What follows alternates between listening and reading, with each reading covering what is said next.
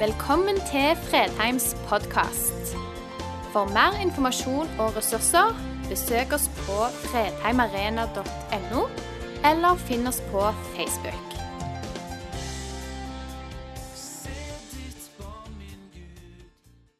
Onsdag 21. februar så døde Billy Graham. 99 år gammel, verdenskjent evangelist og forfatter. Han er blitt beskrevet som den mest innflytelsesrike kristne predikanten i løpet av det 20. århundre. Og I løpet av karrieren sin så har han vært veileder for et utall av amerikanske presidenter. Med slutten av livet sitt så sa han noenlunde sånn som dette at han i ettertid ville ha vært mer med familien. Hvilken predikant sier ikke det? Jeg tror nok de fleste predikanter sier. Brukt mer tid i bønn og studier og forkynt mindre. Ja, det sa han. Før denne preken så er det dette uttrykket som har levd i meg hel ved. På Jæren brukes det uttrykket for å beskrive mennesker med en bestemt karakter. De er hel ved. Og hva er dette for noe, hel ved? Det er en person som er tvers gjennom ærlig, redelig. Som oppleves ekte. Som står rakt opp for sine verdier. Autentisk. Hel ved. Billy Graham har forkynt i årtier og er en av de predikantene som det aldri har hefta noe med, som gjorde at han har mista ansikt eller har satt troen på en måte i vanære. Og I den posisjonen som han hadde i et så langt liv, så har det vært utallige muligheter for han til å sko seg, til å misbruke posisjon. Men i ettertid så er det forunderlig å lese hvordan han blir beskrevet i amerikanske medier og over hele verden. Hel ved. Ledere som er hel ved, lykkes best, sto det som overskrift i Vårt Land for litt tid siden. Ledere som er hel ved, lykkes best. Bort fra karisma og bestemte trekk. Ledelsesforskningen peker i en ny retning skrev de. Det handler om personlighet. Være autentisk, være ekte. Eh, på tross av at Billy Graham sto for en konservativ teologi, forkynte livets to utganger. Hvis du har sett Billy Graham, så står han alltid sånn. Så jeg lurte på om jeg måtte kopiere stilen hans litt og ha en enda større bibel. for han sto alltid sånn. Det skulle ikke være tvil om når Billy Graham forkynte at det var Guds ord han forkynte. Og Han var ikke redd for å tale om at livet har to utganger. Han var ikke redd for å forkynne sannheter som koster noe i vår tid. Og like fullt så omtales han med respekt på en helt spesiell måte. Han var altså hel ved. Det er som om en hel nasjon tålte at han forkynte sant og ekte bibelsk, for de fant ut at han sto for det. Det var ekte. Det var ikke skuespill. Det var ikke en fasade. Han var hel ved. Hele nasjonens pastor ble han omtalt som. Vi har en tendens til å stykke livet vårt opp i forskjellige slags arenaer. Vi er noen når vi er på bedehuset, når vi er i kirken. Vi er kanskje litt annerledes når vi kommer hjem. Og Det hadde vært spennende å visst hvordan vi ble benevnt på arbeidsplassen vår. Vi, vi, har en tendens til å stykke livet opp i forskjellige, ulike arenaer. Og vi er ikke alltid de samme på alle disse forskjellige arenaene. Jeg har brukt dette eksempelet før. Bill Hybels, den kjente pastoren i Willow Creek, han fortalte fra sin oppvekst i en litt traust menighet med nederlandsk si, bakgrunn. Så fortalte han at alle hadde faste plasser. og nå må jeg bare kikke litt om folk sitter på sine faste plasser i dag. Men alle hadde sine faste plasser i menigheten. Og Familien eh, Heibels de hadde en benk så de fylte stort sett opp. Og foran de pleide det å sitte en annen familie. Så kom han på gudstjeneste, og så var den benken foran tom. Den familien var ikke der. Og så kviskra han faren sin i øret. 'Far, hvor er familien?' Og så snudde faren seg til sønnen og sa 'Hysj, de har et problem'. Da passet det ikke å gå i kirken. Fordi I kirken gjaldt det å holde oppe en fasade. I kirken gjaldt det å spille på lag med det som var vanlig i miljøet. Og hvis du hadde et problem, så gikk du ikke i kirken. Ta med deg det ene situasjonsbildet. De største undersøkelsene som forteller om hvorfor barn og unge forlater troen, har to hovedpunkt. Hvorfor en 18-20-åring, 25-åring forlater troen. Det ene hovedpunktet det er at far og mors tro ikke er ekte. Det er for stor forskjell mellom søndag og kirkegang og mandag og hverdag. Den andre grunnen, En andre hovedgrunn det er utfordringer knytta til det som går på skapelsesteologi i Bibelen. De sliter med å få tanken til å falle til ro med at Gud har skapt, og hvordan Gud har skapt. Og de har ikke fått gode svar i Kirken til å kunne falle til ro på en måte som gjør at de har en troverdig tro. Men den viktigste grunnen det er at hjemmearenaen ikke samsvarer med kirkearenaen. Det er for stor forskjell. Søndag og mandag. Ta vare på det bildet. Det tredje bildet. For noen år siden så møtte jeg en som vokste opp i en ikke-kristen familie. Men som ung tenåring så kom han i berøring med et litt sånn kristent ungdomsmiljø som var ganske spennende for han.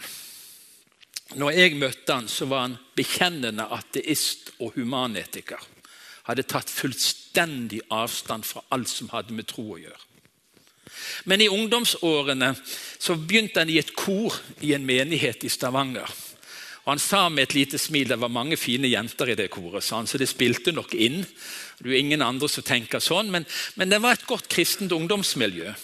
Eh, og, og, og det ble han en del av. Og så var det sånn at Han fikk jobb hos lederen i menigheten. Ikke pastoren, men han som leder menigheten. Han var en kjent forretningsmann i byen, og han fikk jobb hos han. Men når han ble kjent med han og hans forretningsmoral, så forlot han den menigheten og vendte aldri tilbake. For det han så av en kristenleders liv i hverdagen, i næringslivet, ga fullstendig avsmak på det som hadde med tro å gjøre. Og Når du møter sånne mange år etterpå, så er så såra og så skuffa, så skal det mye til å bygge det opp igjen. Han var troverdig på en måte. Han hadde en flott måte å være på på søndagen i menigheten.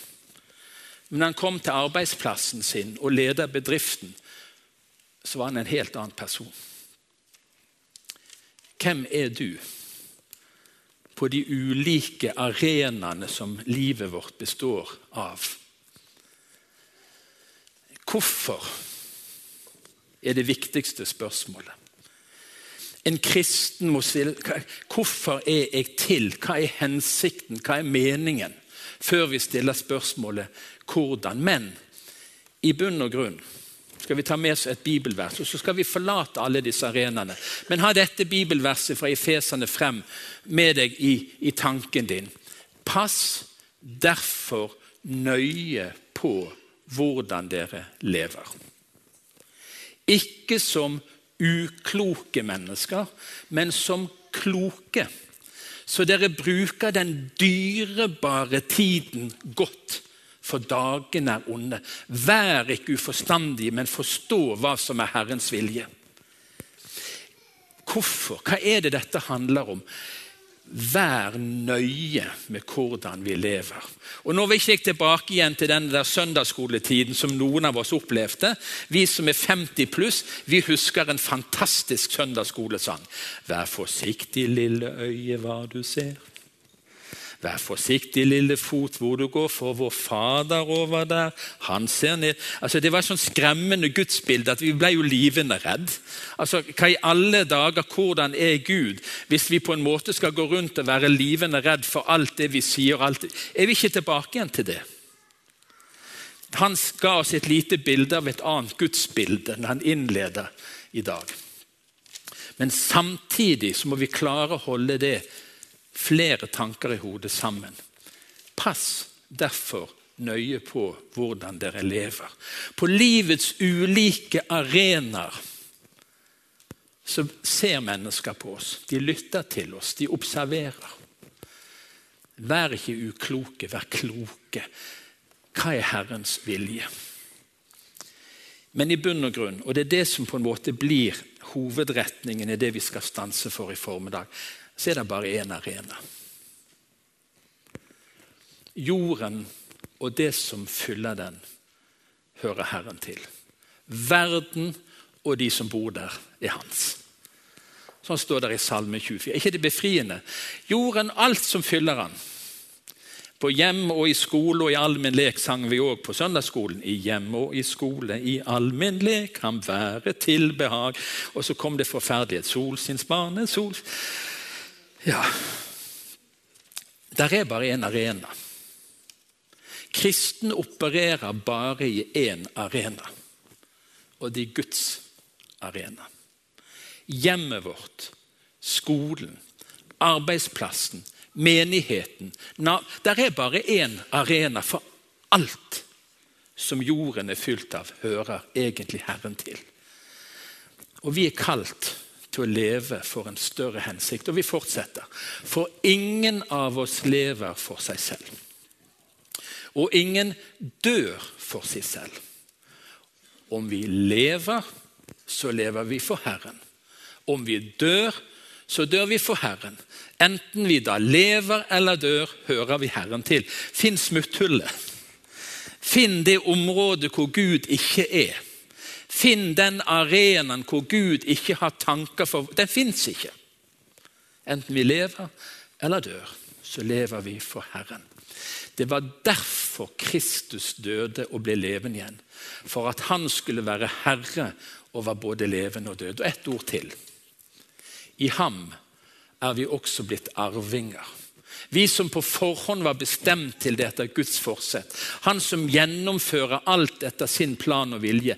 Slik skulle vi være til lov og pris for Hans herlighet. Vi som alt nå har satt vårt håp til Kristus.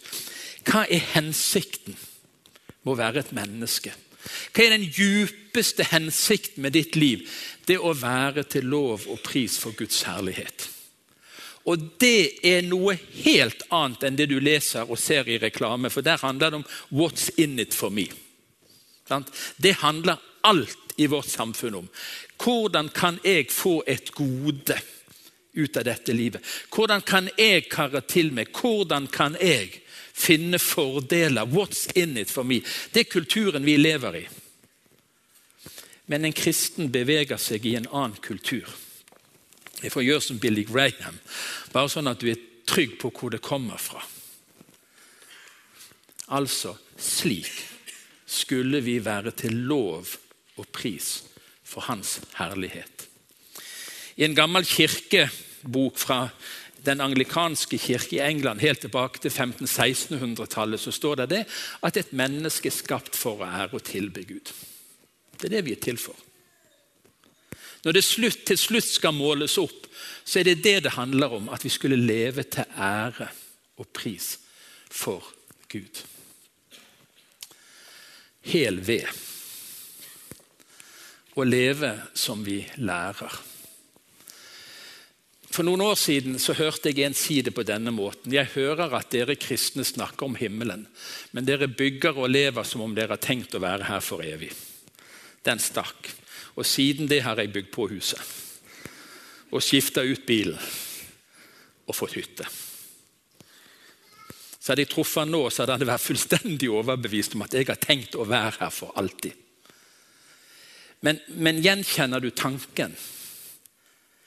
Av og til så sier vi det Livet ditt taler så høyt at jeg hører ikke hva du sier. Og Vi som har hatt unger i huset, vet det at det, det er forholdsvis vanskelig å få de til å slutte noe, ikke begynne med noe vi holder på med. Det nytter ikke å si at det jeg gjør, ikke er bra. Men jeg er voksen, så jeg klarer jo meg. Men du bør ikke gjøre. De ser på hvordan vi lever. Og livene våre taler høyt. Og Jeg husker den setningen der. Jeg vet ikke om det var helt ordrett, men den traff meg et sted. Vi snakker om himmelen. Nå er jeg ikke sikker på at vi snakker så mye om himmelen heller. da. Kanskje har vi glemt det òg. Men vi snakker om evighet. Vi snakker om livets to utganger. Men vi lever som om vi skal være her for alltid. I Kolossabrevet kapittel 3 så skriver Paulus Er dere da reist opp med Kristus? Har du blitt en kristen, er det egentlig som står. Er du blitt en kristen, så søk det som er der oppe hvor Kristus sitter ved Guds høyre hånd. La sinnet være vendt mot det som er der oppe, ikke mot det som er på jorden. Og her sliter jeg. Og Jeg kunne godt tenkt meg en hånd som Er det noen andre som sliter litt her? At sinnet vårt så ofte er vendt mot det som er på jorden. Og så lite mot det som er der oppe. En kristen har å skulle ha himmel over livet sitt. På en eller annen måte skulle det vises at vi er bare gjester her. Og Jeg hadde en litt sånn problem i forberedelsen til denne preken, for jeg kom på så mange gamle bedehussanger. Og, og da, blir, da, blir, du sånn gammel surpredikant hvis du begynner å sitere sånne gamle sanger som vi sang før. For da sier du samtidig så, noe at de nye ikke er så gode. Sant? Ikke misforstå meg nå. sant? Men, men det, det bare dukket opp en rekke av de der gamle bedehussangene. Vi bor ei her. Vi er jo bare gjester. Det sang vi før. Vi bor ikke her. Vi er bare gjester. Det var noen sanger som fortalte det at dette stedet er midlertidig. Dette er et midlertidig sted. I barneår jeg hørte titt om himmelen. Jeg undret om det var virkelighet. Og så sang vi det. Sanger om himmelen. Og nå Kjempebra. sant? Men nå fikk jeg bare tømt mitt gamle predikanthjerte. sånn.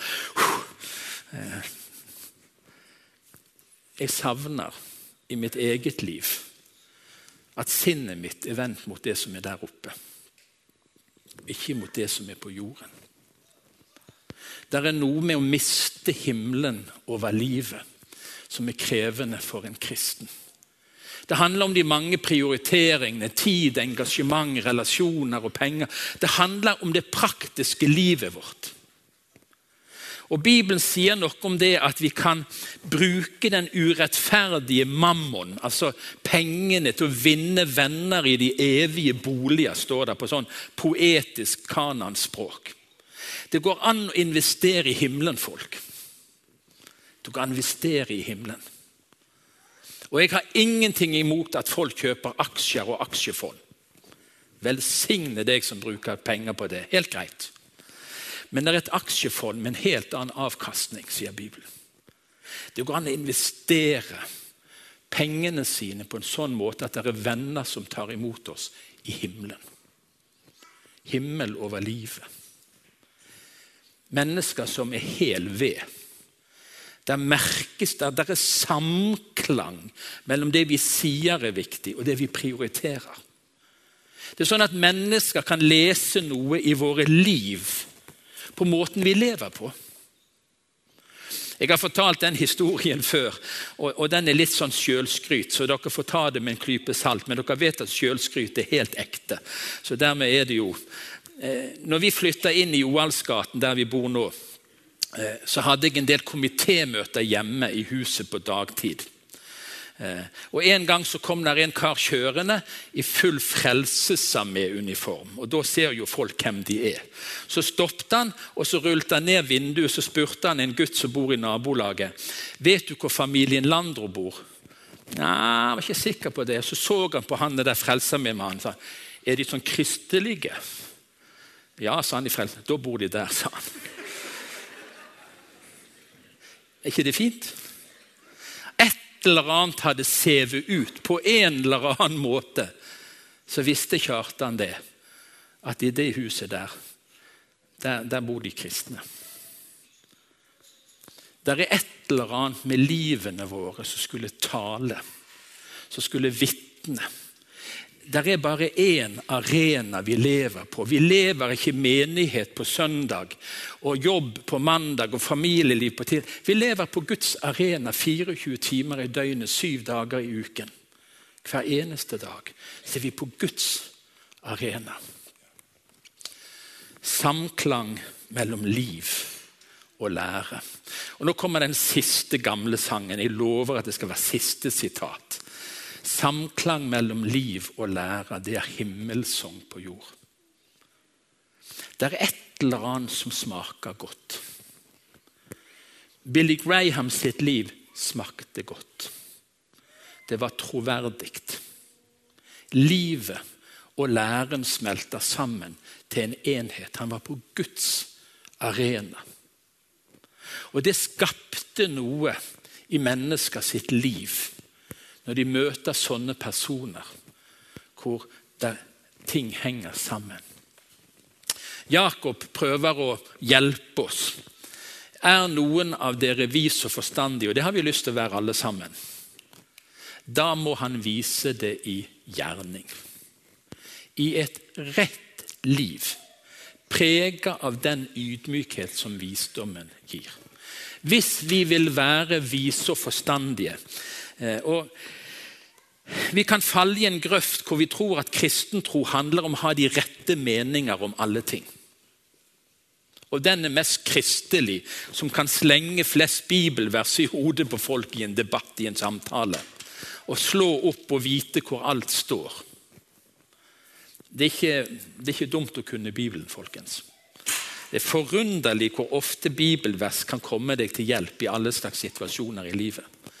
Men hvis noen er vis og forstandig, da man viser det i gjerning, sier Bibelen. Det er noe som klinger sammen. Samklang mellom liv og lære. Alt er Guds arena. Og Jeg er veldig glad for å kunne si at Bibelen er veldig tydelig på at vi er ikke perfekte. Men vi er kalt til å være ekte. En av Fredheim sine fire grunnverdier er å være ekte. Det kunne godt ha stått 'hel ved'. Det du ser, det er det du får. Den du er, er du på søndag og på mandag og på tirsdag og på onsdag og på fredag og på lørdag. Den du er, er du 24 timer i døgnet. Syv dager i uken. Hel ved. Ikke perfekt, men ekte. Og Det er en stor forskjell på det å prøve å være perfekt. Det blir vi aldri. Jo, vi blir det i himmelen. Så det, det kommer. Men det er for noen en stund til, kanskje. Og Derfor kan en kristens viktigste ord av og til være 'Kan du tilgi meg?' Jeg skulle ikke ha sagt det. Jeg skulle ikke ha gjort det. Jeg skulle ikke ha oppført meg sånn. Det å vise det at vi ønsker å være ekte. Vi ønsker å være hel ved. Men alle som er her inne, har gått på en smell eller to eller flere. I hjemmet, på skolen, på arbeidsplassen, i forsamlingen så har vi bomma. Vi fikk ikke det til. Men hvis vi vil være ekte, så vet vi at da ber vi om tilgivelse. Og så har vi en Gud som renser oss fra all synd og all urettferdighet, så vi kan få lov å gå videre. Ikke perfekte, men ekte. En kristen lever sitt liv innenifra verdier som ligger inne i, ikke utenfra. På den måten går det an å være hel ved i alle slags kulturer til alle slags tider når den styres innenifra. Og Da skal jeg avslutte med et spørsmål. Temaet for denne prekenserien er 'Livet med Gud'. Lever du ditt liv innenifra fordi du lever et liv med Gud? Det er et gudsliv inne i deg som pulserer og preger sånn som du lever. Sånn som jeg lever. Innenifra. Fordi Gud bor ved troen i våre hjerter. Og Han har gitt oss sin hellige ånd til å veilede oss til hele sannheten, til visdommen om hvordan vi skal kunne leve. Vi er mennesker født på ny ufortjent ved Guds nåde, boliger for Guds ånd. Og innenifra skulle vi leve våre liv. Ikke styrt av ytre omstendigheter, men livet med Gud. Lever du et sånt liv med Gud? At det merkes.